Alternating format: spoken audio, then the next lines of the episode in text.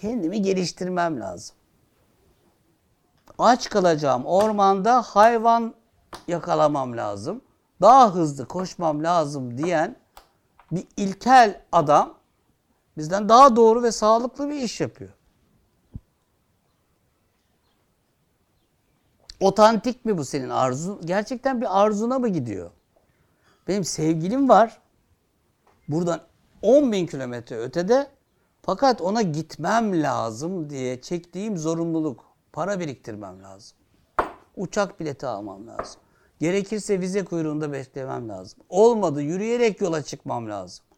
Arzuma gidiyor. Yapayım bu zorunluluğu.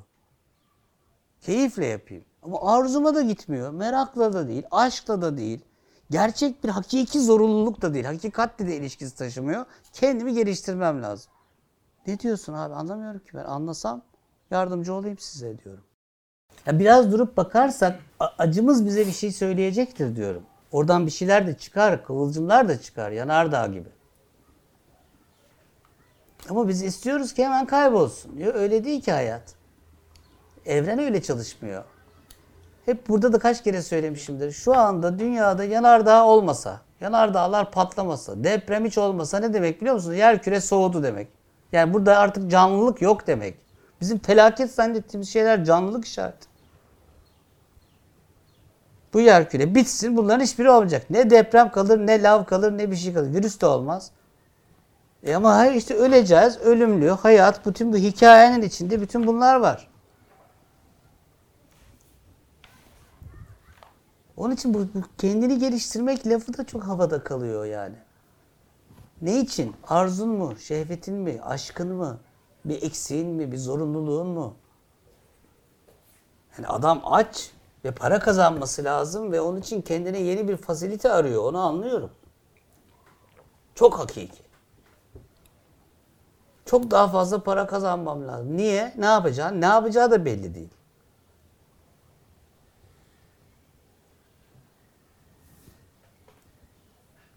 Yani neye harcayacağını ve nasıl kullanacağını, zaman için kullanacaksın ya sen o paranı.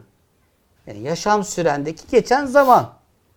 Kaç yaşındasın Mehmetciğim? 32 yaşındasın. Şurada kalmış 40 40 tane 50 tane ya- 50, 50 bulmaz. 40 45 tane yaz tatilin kalmış. Bunun son 10'u falan kepazelik falan 40 tane yaz tatilin kalmış. Zaman yani sen işte bu zamana bir bakacağım ben. Bu para ne için lazım ona bir bakacağız. Öldürdü bizi gebertti. Ben mi? Ben olsaydım geri alırdım.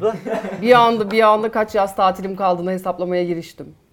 2021'deyiz. Galiba 20 yıldan fazla oluyor. Ee, 99'da Fight Club'ta geçen bir cümleydi. Self improvement is masturbation diye. Kişi- Kişisel gelişim mastürbasyondur. Bu kadar. Bir tür evet. Böyle bir lafla olmaz o iş. Çok iyi hatırladım o Yani ben eğer bir şeyler, bir bildiğim bir şey anlatıyorsam size bunların hiçbirini kendimi geliştireceğim diye edinmedim ben. Ya zorunlu kaldım, ya sevdim, ya merak ettim ya bir şey.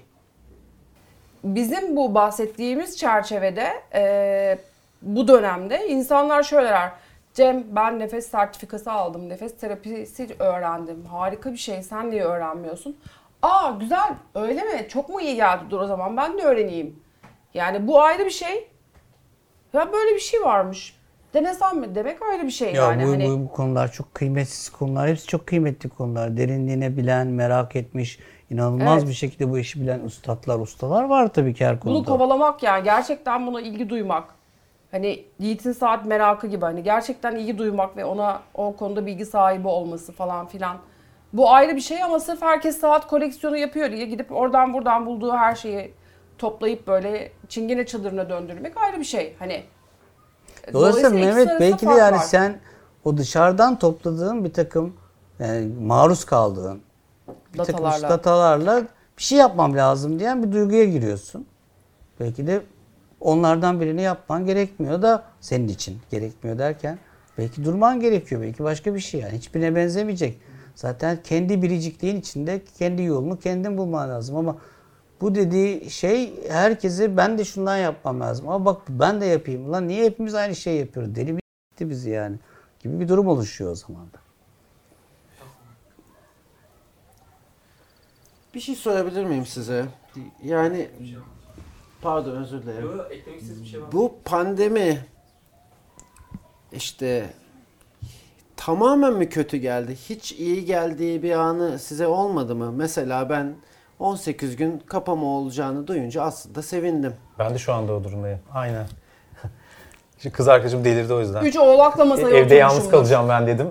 Evet Nasıl abi yani e, hoşuma gitti. Yani ben gidip de tamam tabii ki restorana gitmeyi de özlüyorsun falan filan böyle kapalı yerler var ama e, benim o evde oturmam artık gayet legalleşti. Artık hani e, Introvertler bayram yapıyor. Yoksa kendini kötü mü hissediyorsun legal olmasa? kendimi kötü Toplum dışa- hissettim. dışarı Bak çıkmasın daha demin yani. söylediğimiz şeyle hani bugün ne yaptın? Hani e, Nereye gittin? Ben evde oturmayı seviyorum. Evde oturduğum zaman e, millet de böyle çok çok çok bir şeyler yaptığı zaman e sen niye hiç çıkmıyorsun dışarı veya işte görüyorsun işte e, sosyal medyada görüyorsun. Şey de olabiliyorsun tabii. "Aa, niye hep bu kadar evde oturuyorum? Bir şeyler yapmam diye e, lazım diye kendini e, gaza getiriyorsun. Yapıyorsun sonra lan niye yaptın deyip tekrar eve dönüyorsun. Ama bu dönem e, benim hoşuma gittiği yanları çok var yani. Ben bazen soruyorum mesela diyorum ki ne yaptın bu hafta diyorum. Hiçbir şey diyor. Ben diyorum ki olamaz öyle bir şey. Hiçbir şey yapmadım diyor. Çünkü sorduğum soruyu şöyle duyuyor kişi. Fonksiyon üretecek ne yaptın zannediyor. Yok ben ne yaptım? Ne yaptın demek yattım. Bir yere Kalktın, gittin demesi lazım. Durdum. Anladın mı? Öyle. Bu- Buna bir şey ya- yapmak deyince aklına insanın sadece fonksiyon geliyor. E o zaman abi bütün felsefeyi çöpe atalım. Bütün sanatı çöpe atalım. Böyle duran adamlar bunlar yani. Durmuş. Doğru. Ben bir ara İstanbul e, Life Mecmuası dergisi benden böyle bir gezi İstanbul gezi şeyleri istemişti. Ben dedim ki ben size şöyle bir şey yapayım mı? Ne? İstanbul'daki durma mekanları dedim şey yapayım. ne demek dediler. Hakikaten durma mekanı. Kalmadı pek. Durma ya. Bildiğin durma. Hiçbir şey yapmama yani. Yani bir, bir sorun var. Boşluklarla ilgili meselemizde bir sorun var. Biz dolu istiyoruz ya. Hep dolu olsa müzik olmaz. Aralarda bo- boşluk var o notaların arasında arkadaşlar. Bildiğiniz es işaretlerinden bahsetmiyorum. O notaların arasında sizin duymadığı bo- boşluklar olmasa bir müzikalite oluşmuyor. Benim Makber'de romanda yazarım. Mesela bir mimara veriyorum ben bir yeri. Bana ev yap dedim değil mi? Adam her yeri duvar yapıyor. Yani burası duvar. Boşluk yoksa içinde oda yok yani. Adam bana yaptığı duvarlar aslında bir boşluk oluşturmak adına. Benim bu boşluğa ihtiyacım var içinde yaşayacağım. Bir resimde bir, bir şey görüyorsanız mutlaka bir takım boşluklar yüzünden görüyorsunuz. Senle benim ayrı iki birey olmamız aramızdaki boşluk yüzünden. Birine aşık olmam için onun benden ayrı bir birey olması lazım ki aşık olayım. Ona demek ki boşluğa ihtiyacım var gene. Bizim boşlukla bir derdimiz var yani. Duramama ile ilgili Bir, bir fonksiyon, Duramama ile ilgili büyük bir derdimiz bir var. evet. fonksiyon ve duramama halimiz var. o duramamanın e, ya dışarıdan nasıl buna zorlandığımıza dair çok nefis bir kanıtı var. Alışveriş merkezleri. Alışveriş merkezleri içerisinde kıçını koyup oturabileceğin bir bank tabure olmaz. Bulamazsın. Hareket Doğru. halinde olmak zorundasın. Oturacaksan food court'a, yemek katına çıkacaksın ya da bir kafeye oturacaksın. Orada da harcamaya devam edeceksin, tüketmeye. O gene bir dinlenme ya da uzun zaman geçirme değil. Ve sürekli olarak bir süreç yaşayacaksın böyle. Oturup vakit geçiremezsin. Mesela şöyle bir sahne geliyor aklıma benim. Mutlaka böyle bir sahneyi de izlemişizdir hepimiz. Tarihi bir filmde, destansı bir şeyin içinde kahramanımız gidiyor ve kendine kılıç yaptırmak istiyor. Kılıç ustası da diyor ki gel 6 ay sonra al diyor. O diyor ki bana hemen lazım. Hattori Hanzo. O da diyor ki olmaz diyor. Sabaha kadar çalış yap diyor. Durması lazım diyor. Beklemesi lazım diyor. Bir şey diyor ona. Böyle bir sahneyi hatırlıyor musunuz buna benzer sahne? Ya onun hatta o kılıç üzerinde işlem yapmaması gereken bir zamana ihtiyacı var. Bu duracak yani. Ya bir şeyin matürite kazanması için, olgunlaşması için, kıymetlenmesi için, sofistike olması için bile böyle şeyler vardır hikayelerimizde bizim. Bütün destanların içinde böyle beklemeler vardır. Biz ne yapıyoruz böyle? Doldur, doldur, doldur. İyi de öyle, öyle gelişmiyoruz. Bak demek ki durarak gelişiyoruz. Durmamız lazım, bakmamız lazım. Bir de durunca demlenebiliyorsun ya. Demlenmek diye bir laf var. Niye demlenmek diye bir laf var? Niye biz poşet çayı sevmiyoruz? Evet. Demlenen güzeldir. Pilavı da demleriz. Ya bir beklemeler lazım. Her küçük şeyin içinde var. Pilav isteyeceğim. Pilavda var. Biliyor musun? Pilav ister ki karı koca kavga etsin diye bir laf vardır değil mi? Böyle o hani bir 10 dakikalık Hmm. bekleme şeyi vardır. Pilava bak sen. Evet. Öyle bir de aile arası kavga da istiyor. Ha, böyle demlerle demlenmek lazım. Yani bu böyle sürekli dolu, sürekli fonksiyonel, sürekli yapmam lazım, sürekli gelişmem lazım. Onu da yaptılar. İnsanlar da en almayacak insanlar olarak. Ya bizlerin almaması lazımdı bana göre onu. Ama bize bile geçti yani hani o durmaman Ya o lazım. deme O şu kadar anda çok herkes şu yüzden çok halinde ihtiyaç ben var. evdeyim. Ne yapıyorum ben evde abi? Uyaran çok fazla. Yani Evet. sosyal medya olmadan yaşayamıyorsun. Bir tanesini kapatıyorsun, ötekini açar buluyorsun Bakıyorsun kendini. o geziyor. Ben kendimi böyle işte Twitter, Instagram'a bakmayacağım dediğimde işte Google Photos'u açıp eski fotoğraflarıma bakarken yakalıyorum. Bir şey scroll etmek zorundayım yani. Ee, dışarıya da olmasa kendi içeriğime bakmak durumunda buluyorum. Şimdi bunları arada kapattığın zaman o baktığın şeyler süzülüp sende bir anlama dönüşüyor. Bu süreyi kendine vermediğinde sürekli olarak çok kısa proseslerle her şeyi süzer hale geliyorsun. Senin için anlamlı, anlamsız, senin için önemli, önemsiz, sende bir karşılığı var, e, bir derinliğini ifade ediyor ya bakamaz hale geliyorsun. Gerçek hayatta ne senin için önemlidir ne değildir bunun hesabını da yapamaz hale getiriyor. Yakın zamanda bir sosyal medya orucu yaptım ben çünkü ciddi bir şekilde ve e, olağanüstü bir bağımlılığım var benim işim de yüzünden. Artık çoğu insanın işi Benimki zaten öyle ya. internet ve sosyal medyada geçiyor. Ve bir anda hayat kalitem anormal arttı.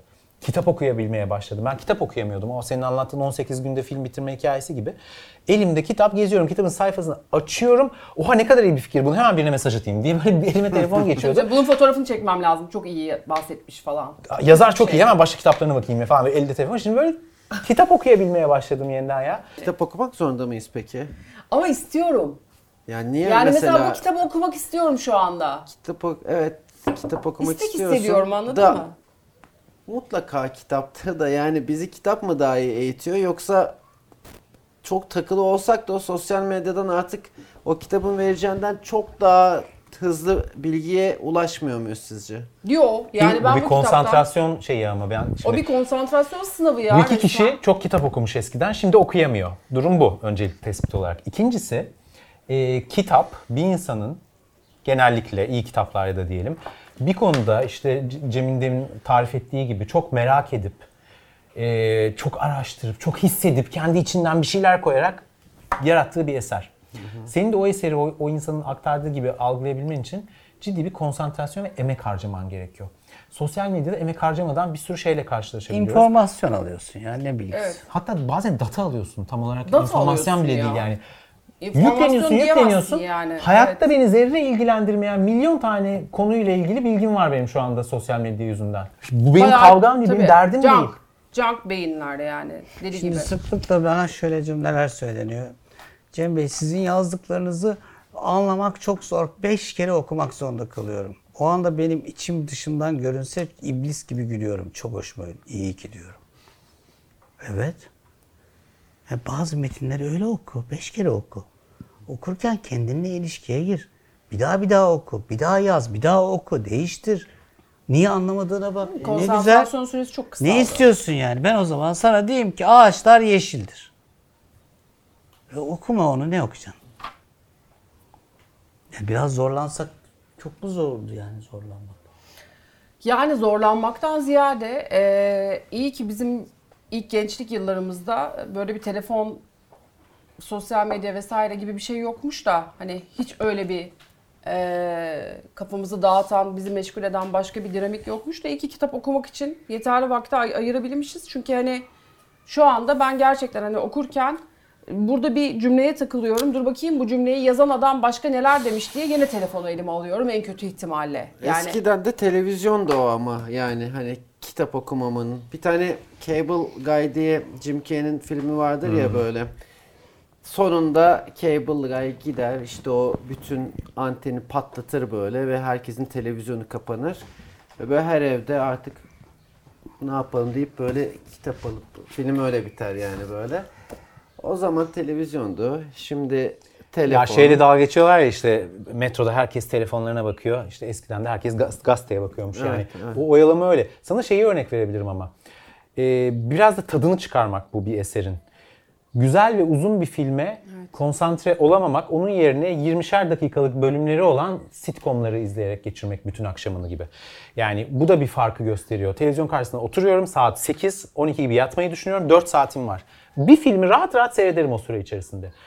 Aman şimdi sonra seyredeyim böyle yapayım derken bir bakıyorum saçma sapan dizilerden bölümler izlemişim sadece. Neden? Çünkü dikkatimi ayıramıyorum o kadar bir süre boyunca.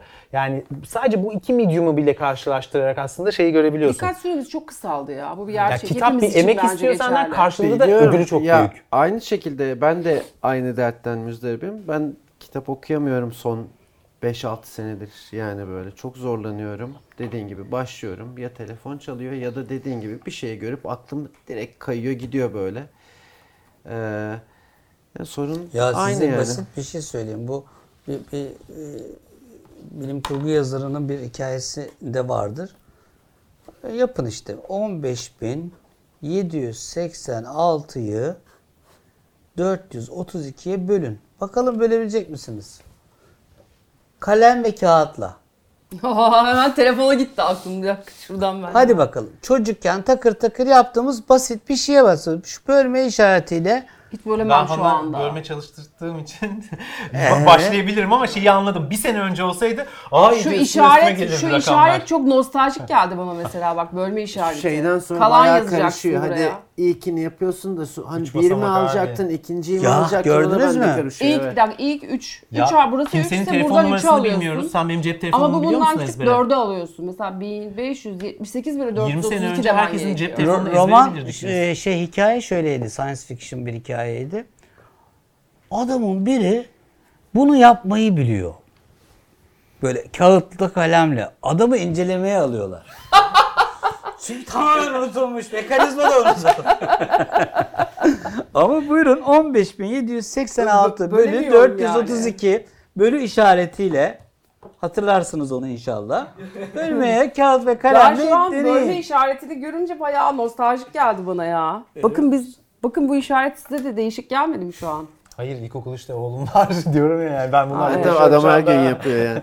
Evet bize Ama değişik şey geliyor. e, ya buna şey deniyor bir tanımı var işte dışsal beyin external brain.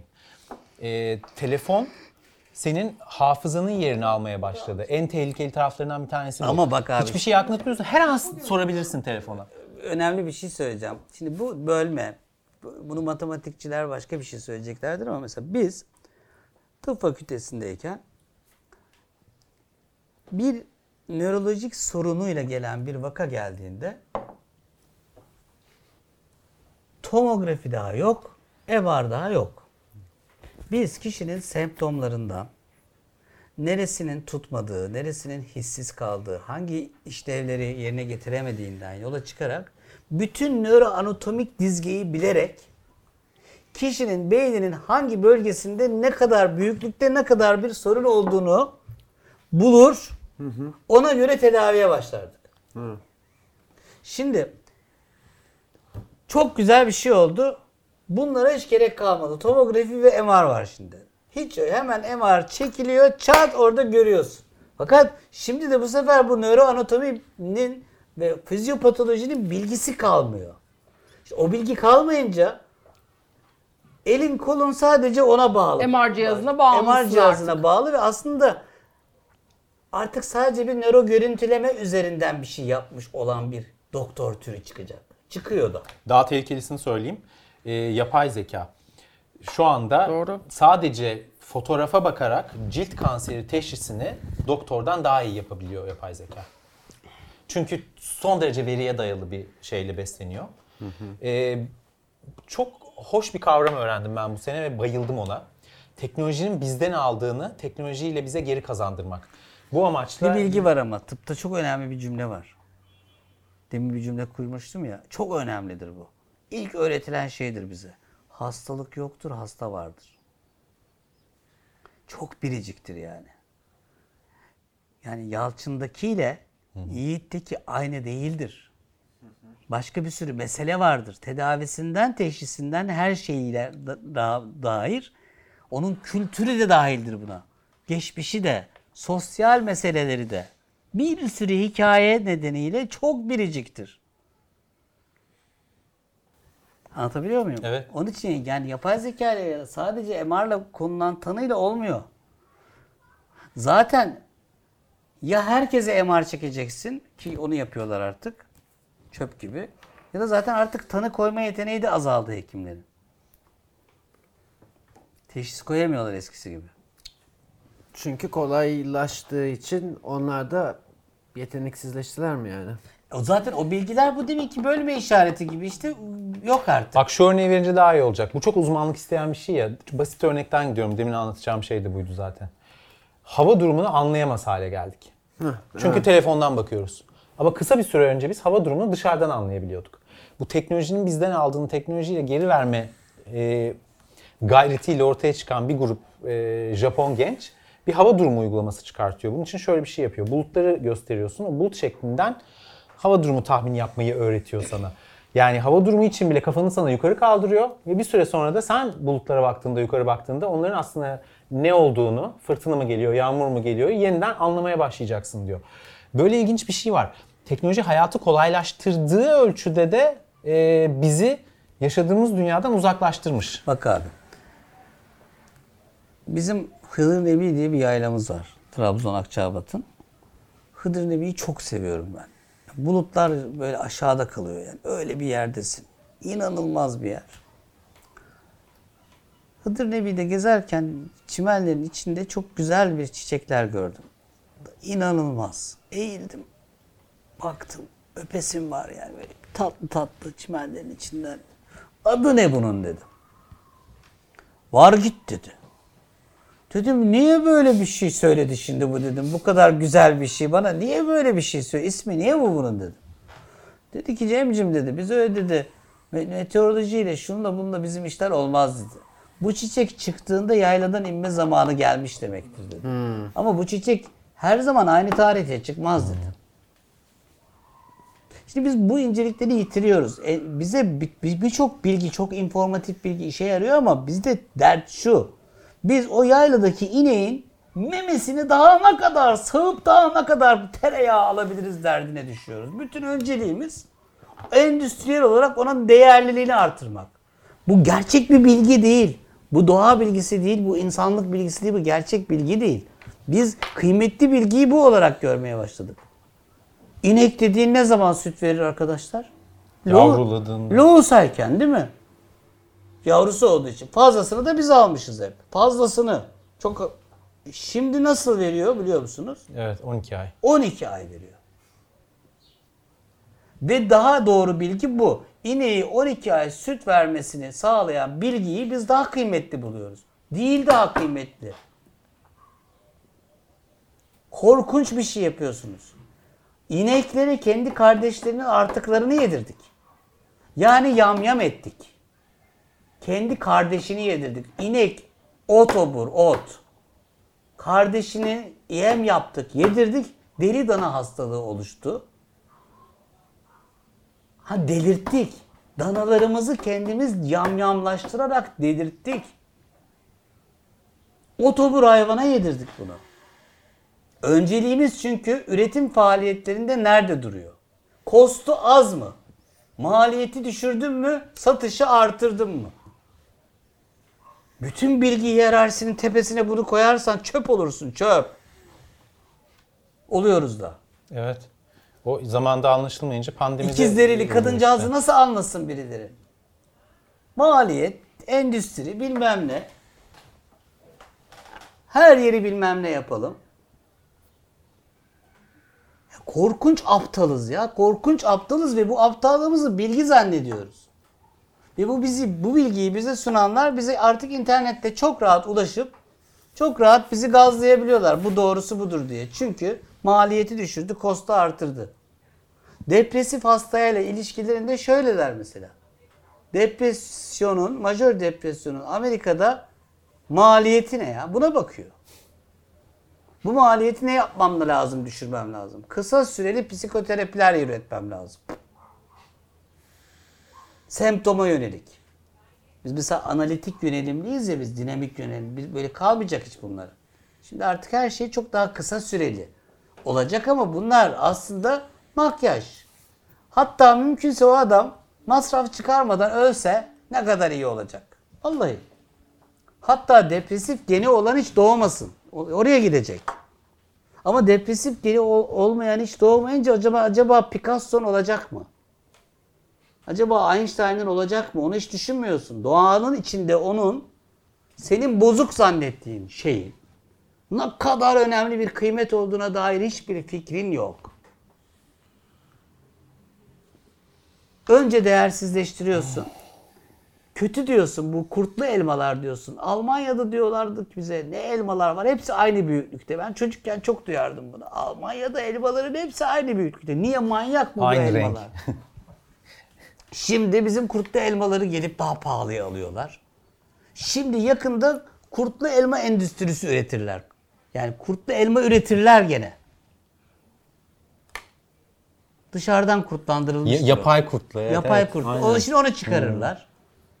Şaka gibi yani bu. Bunlar bilginin hiçbir yerinde tutmuyor. Bilgi değil. Bil- bilgi denilen kelimeye iyi bir bakalım ya. Bunlar informasyon bile değil. Bunlar korkunç. Aa içim karardı. Güzel bir tirad oldu.